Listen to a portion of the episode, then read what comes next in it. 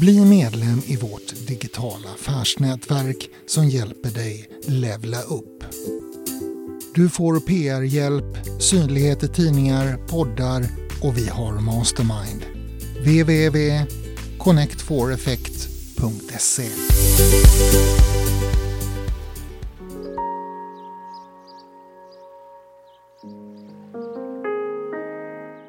Välkomna till Amazing-podden, en del i Connect House poddserie. I dagens avsnitt samtalar Eva-Lena med Elisabeth Nyberg som bor i Visby på Gotland och som idag arbetar med SBES Suicideförening där hon är jourmedarbetare. SBES är en rikstäckande ideell förening som är till för alla som mist en familjemedlem, släkting, partner eller god vän genom suicid. Hennes man dog av en överdos och hon förlorade även sin dotter som valde att avsluta sitt liv i ung ålder. Då har vi med oss idag Elisabeth Nyberg från Visby på Gotland. Välkommen Elisabeth! Tack så mycket. Vad trevligt. Vilken ära. Ja, det är verkligen trevligt att ha dig med tycker jag också. Eh, vad, om vi börjar med att fråga dig, var, var är du född någonstans? Jag är född här. Jag är Visbytös, uppväxt i ett barnrikehus, eh, i en arbetarfamilj. Eh, ja, enkla förhållanden men ett väldigt kärleksfullt hem med tre äldre syskon som eh, ganska snart blev utflugna så jag blev ensam kvar men uppväxt med mycket barn runt omkring Ja. mig. Härligt. Var, hur var du som liten Elisabeth? Ja, jag var nog ganska försiktig till en början med för jag, jag gick aldrig på något dagis utan jag var hemma vid min mamma. Men, men det fanns ju alltid barn, äldre barn som den sociala fostran fick man egentligen av, av den, den barngrupperna man växte upp med på, på gården och i, i sin närmiljö.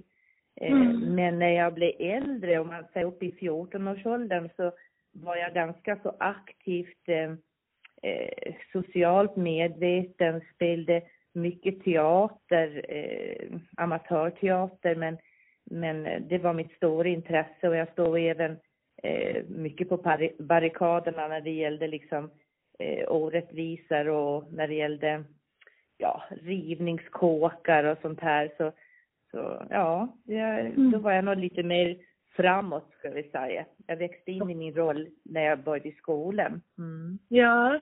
Kommer du ihåg eh, om du hade några speciella drömmar att det där ville du göra när du blev större eller Ja, äldre? jag vi- ville bli skådespelare. Det var det jag, jag Det brann för. Och jag åkte redan när jag var 14 års åldern så åkte jag iväg på teaterskola till Danmark. Där det var mycket gatuteater och jag var med och startade upp den första teatern på Gotland eh, som hette då Bryggeriteatern. Idag är det ju Länsteatern Gotlands eh, rötter kan man säga. Men det var mycket proletariärteater och, och ja sådär. Så att det, det var ju det jag drömde om. Mm. Ja. V- eh, Utbildade du dig sen då inom det också eller?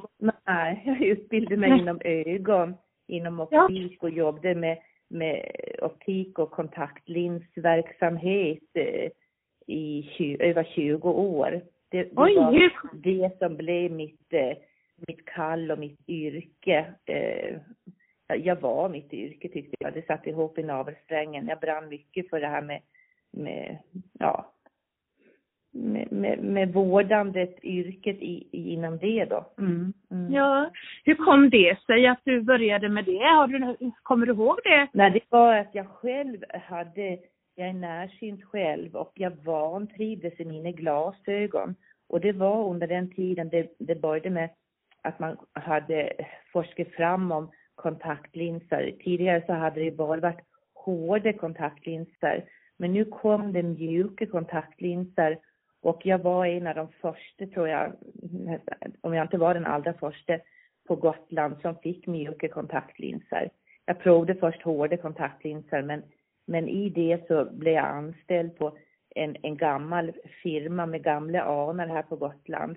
Med, Mm. med, då var det började vi med, med kontaktlinser då, då, och det var jag och min chef, han är död nu, Arne Wretner hette han, och var en fantastisk chef och förebild och gav mig mycket frihet och det, det, eh, det, var, det var, blev mitt stora intresse, mycket för att jag själv alltid och än idag har kontaktlinser. Det, ja. Mm. Jag har nästan en hel livstid med hittills ja. med mina kontaktlinser och jag har fullgod syn än idag så att det har fungerat väl. Mm. Ja. Eh, annars, hur, eh, har hänt mer i ditt liv och sådär då? Om du kan berätta lite grann från din, ja, uppväxt, Ja, mm. kärleken kom ju in i livet såklart. Eh, och det blev väl det som, min stora kärlek träffade jag när jag var i 19-årsåldern och, och eh, det visade sig att han hade ett eh, missbruk, ett drogmissbruk sedan tidiga tonåren eh, och vi fick väl en, en eh, turbulent början kan man säga. Jag visste ju ingenting om alkohol och droger. Jag hade ju levt i ett skyddat tillvaro här hemma på ön. Men mm. vi, han gick i ett tolvstegsprogram och vi fick tre barn. Det slöt tyvärr med att han tog en överdos av heroin ett, i ett återfall när hans pappa dog och vårt mellanbarn var väldigt sjuk i en överdosering av en BCG-vaccination. Hon fick tuberkulos alltså när hon var tre månader gammal och blev inte friskförklarad förrän hon blev tre år. Och eh, då hittade han tillbaka till, till drogerna i ett, i ett infall kan man säga. Han hade ju från eh, droger blev det alkohol och sen fick han ett behandlingshem där vi hela familjen var engagerade i och vi levde i ett tolvstegsprogram. Jag vet inte om du känner till det, det eller har talat om som KBT. Fast det, ja, det är ett livsstilsprogram med en livsstilsförändring på djupet där man arbetar med dagliga eh, alltså dagliga riktlinjer att gör livet så enkelt du bara kan, ta det viktigaste först, eh, lev och låt leva, alltså eh, ta hand om dig själv och i första hand för att må bra.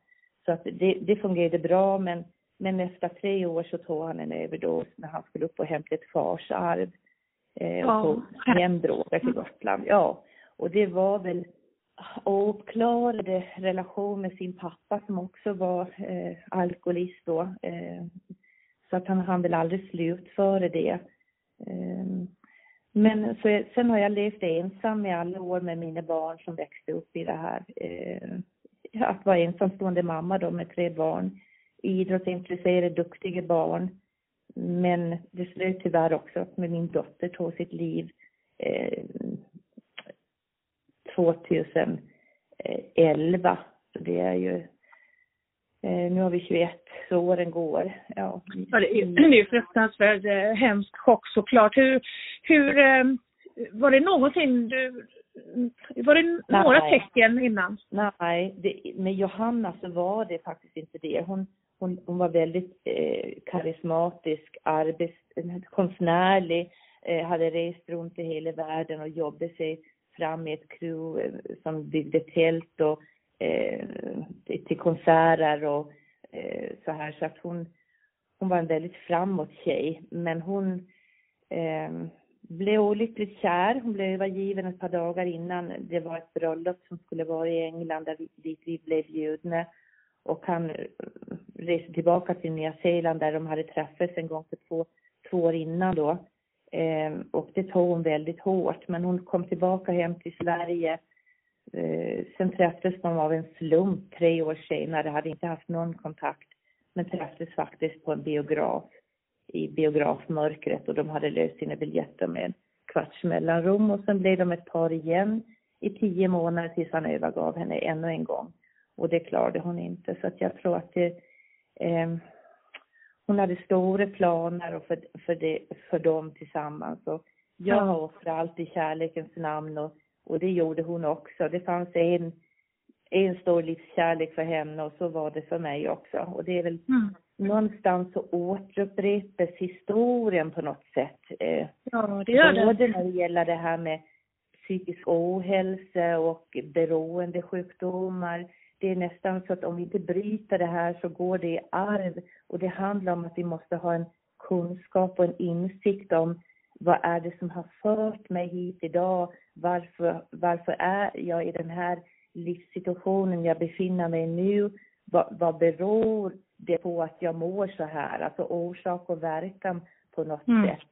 Eh, och när vi inte lär oss den historien, då är det precis som att, precis som Jacko då, det var rakt ner i stigande led med, med alkoholism på, på den manliga sidan i, i tre, fyra generationer bakåt.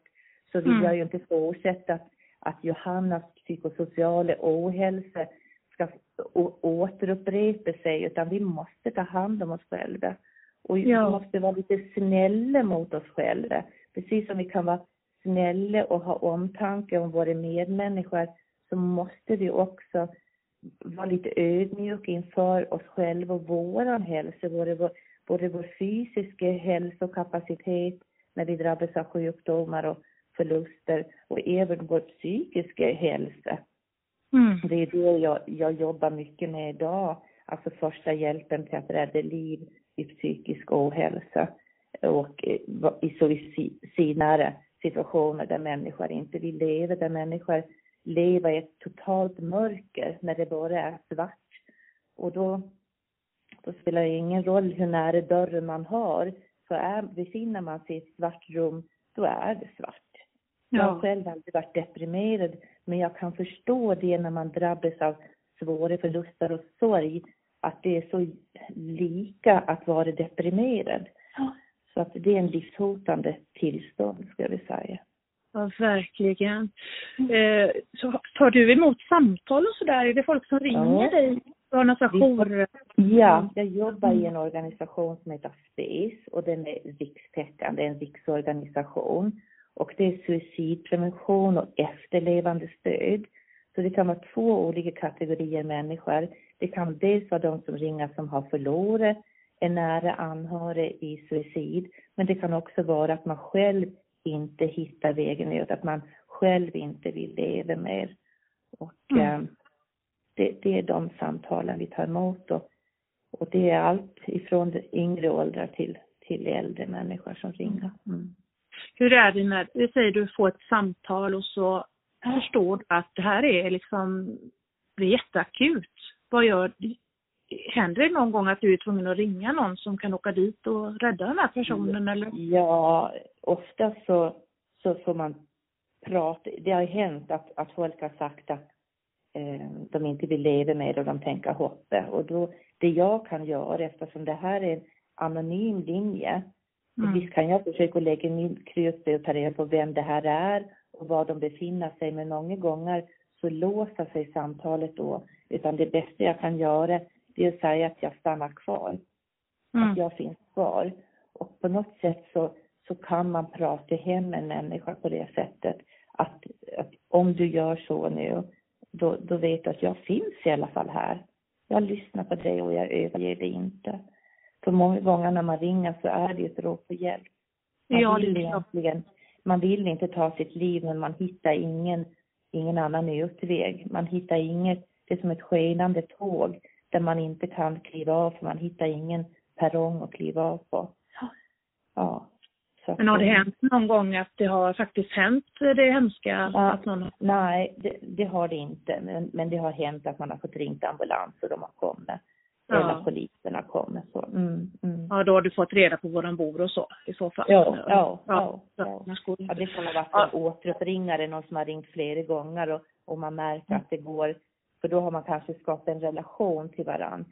Ja. Och, då, då har man fått den kontakten. Men mm. om det är ett första anonymt samtal, då kan man ju faktiskt bara vara kvar. Men det är väldigt viktigt att man inte bryter ett samtal när det är som mest akut, utan man måste märka att samtalet vänder till att den andra mår bra. Även mm. om det så är att jag, ja, att det går lång tid. Mm. mm.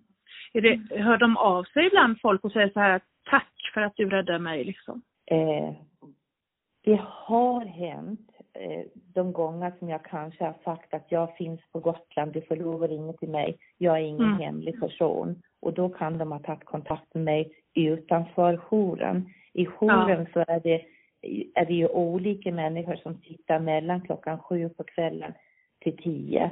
Och då, ja. då är vi ju alla lika eh, bra eller lika öppna och mottagliga. Men Mm. det har ju hänt att, att de sa, ja du hör att jag pratar gotländska och du kan söka upp mig på, jag står som Mm. kontaktperson i Visby om du känner att du behöver ringa någon, vid något annat tillfälle. Mm. Ja, det är fint. Eh, Mm. Jag tänker på annars när det gäller eh, vad du gör och sådär på, på fritiden. Så där, eller det, detta jobbar du med eh, ideellt eller är, det, är man anställd? Ja, det är ideellt. Det är helt ideellt. Mm. Man får inget betalt för det. Jag är ju Nej. instruktör i det här första hjälpen. Det heter MHFA, Mental Health First Aid. Eh, Mm. Men annars så är mitt, mitt liv, det består av, eh, jag är ju ensamstående fortfarande med utflugna barn. Så det består av mycket att vara ute i naturen med mina hundar och ja, ta, åker till skog och mark om man känner sig introvert och lite håglös och lite trött och få näring Mm. av skogen. Men Mm. även ut till havet om man känner att man vill basunera ut sina känslor lite mer. Ja, härligt. Vad är det för hundar du har? ja, det är, eh, min hund är 14 år. Den, jag hade tre hundar och han är den sista som är kvarvarande. Men han är fortfarande väldigt pigg. En 14-årig blandras, Newfoundland golden labrador. Sen har jag även en daghund, en, en, en tik, en golden. Så att jag Mm. har dem som sällskap till varandra så att det är lite roligare när man har två hundar känner jag. För att de har, Ja, de har glädje av varann. Mm. Mm. det är klart. Ja. Vad händer annars i ditt liv och så vad gör du annars? Eh, Jobbar du med något annat?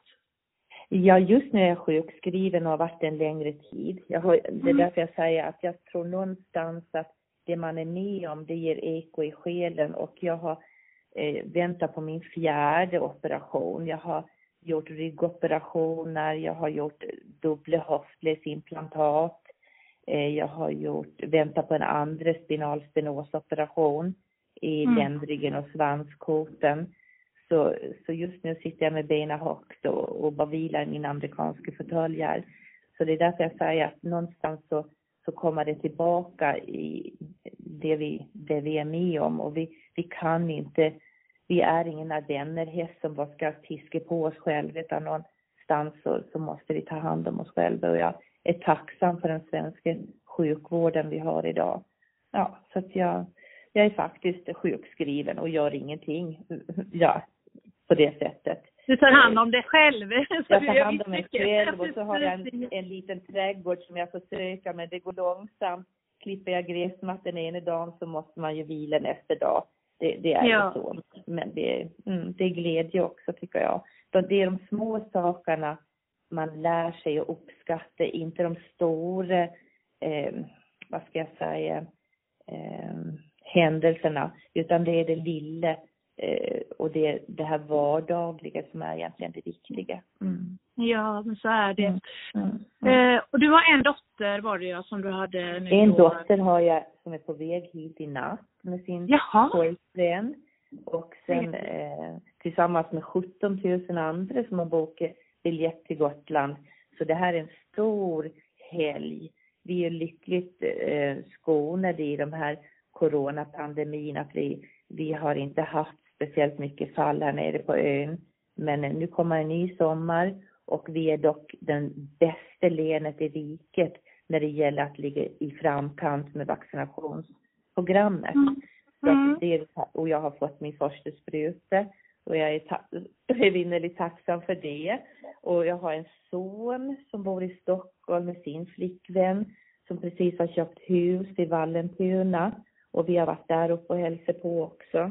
Och, Mm. och det är ju glädjen med barnen. Jag har inget barn, barn tyvärr, men jag gläds åt kvarterets barn, ungefär som Cornelis Vreeswijk när han sjunger att han sitter bakom barrikaderna och lyssnar på barnen som så jag tittar ut här nu så är barnen ute och leker här utanför Ja. och sparkar Ja. boll och och jag känner att alla barn är vårt alles gemensamma arv och ansvar. Så att jag, jag känner en glädje när jag ser barnen och det här generationsskiften som kommer när, när den gamla generationen går ur och det kommer nya barnfamiljer Mm. att flytta in. Jag bor i ett radhusområde och har jättefin uteplats och, och 25 meter ner till skogen till en underbar bokskog så att jag bor väldigt Mm. vackert. Ja, ja. så jättefint. Ja. Ja, verkligen. Ja. Man får vara glad åt det man har och det, det är jag verkligen. Ja, ja. Ja.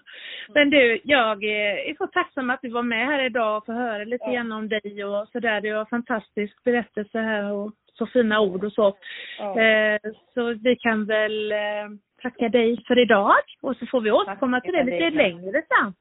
Igen. Ja, så hemskt mycket och tack för, för min försändelse som har kommit. Jag sitter med en drink här framför mig nu och jag tycker redan att jag sover bättre på nätterna. Ja, Ja, jättekul. det gör du ja. ja jag tog det här förut också. Som...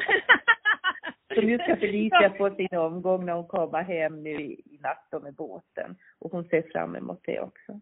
Ja, just det. Hon har också en försändelse där. Vad bra att det har kommit fram. Ja, det är goda vitaminer. Det är jättegoda drinkar. Ja. Ja, men vi får höra sen längre fram. Det får vi göra du och jag tycker jag om detta. Ja, ja.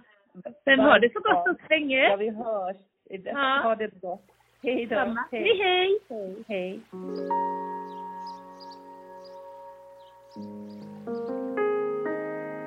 Vi som producerar podden är Eva-Lena Ivarsson och jag, Christer Berggren.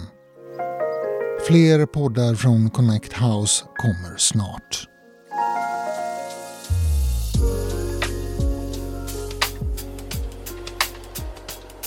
För dig som vill skapa din egna kurs är Connect House Academy det självklara valet för dig. Här hittar du kurser framöver från bland andra Helena Magdalena Ivekrans, Camilla Gyllensvan, Rauno Justevara, Alexander Harold med flera. Bli medlem i Connect 4 Effect, ett nätverk som hjälper dig levla upp. Du hittar oss på connecthouse.se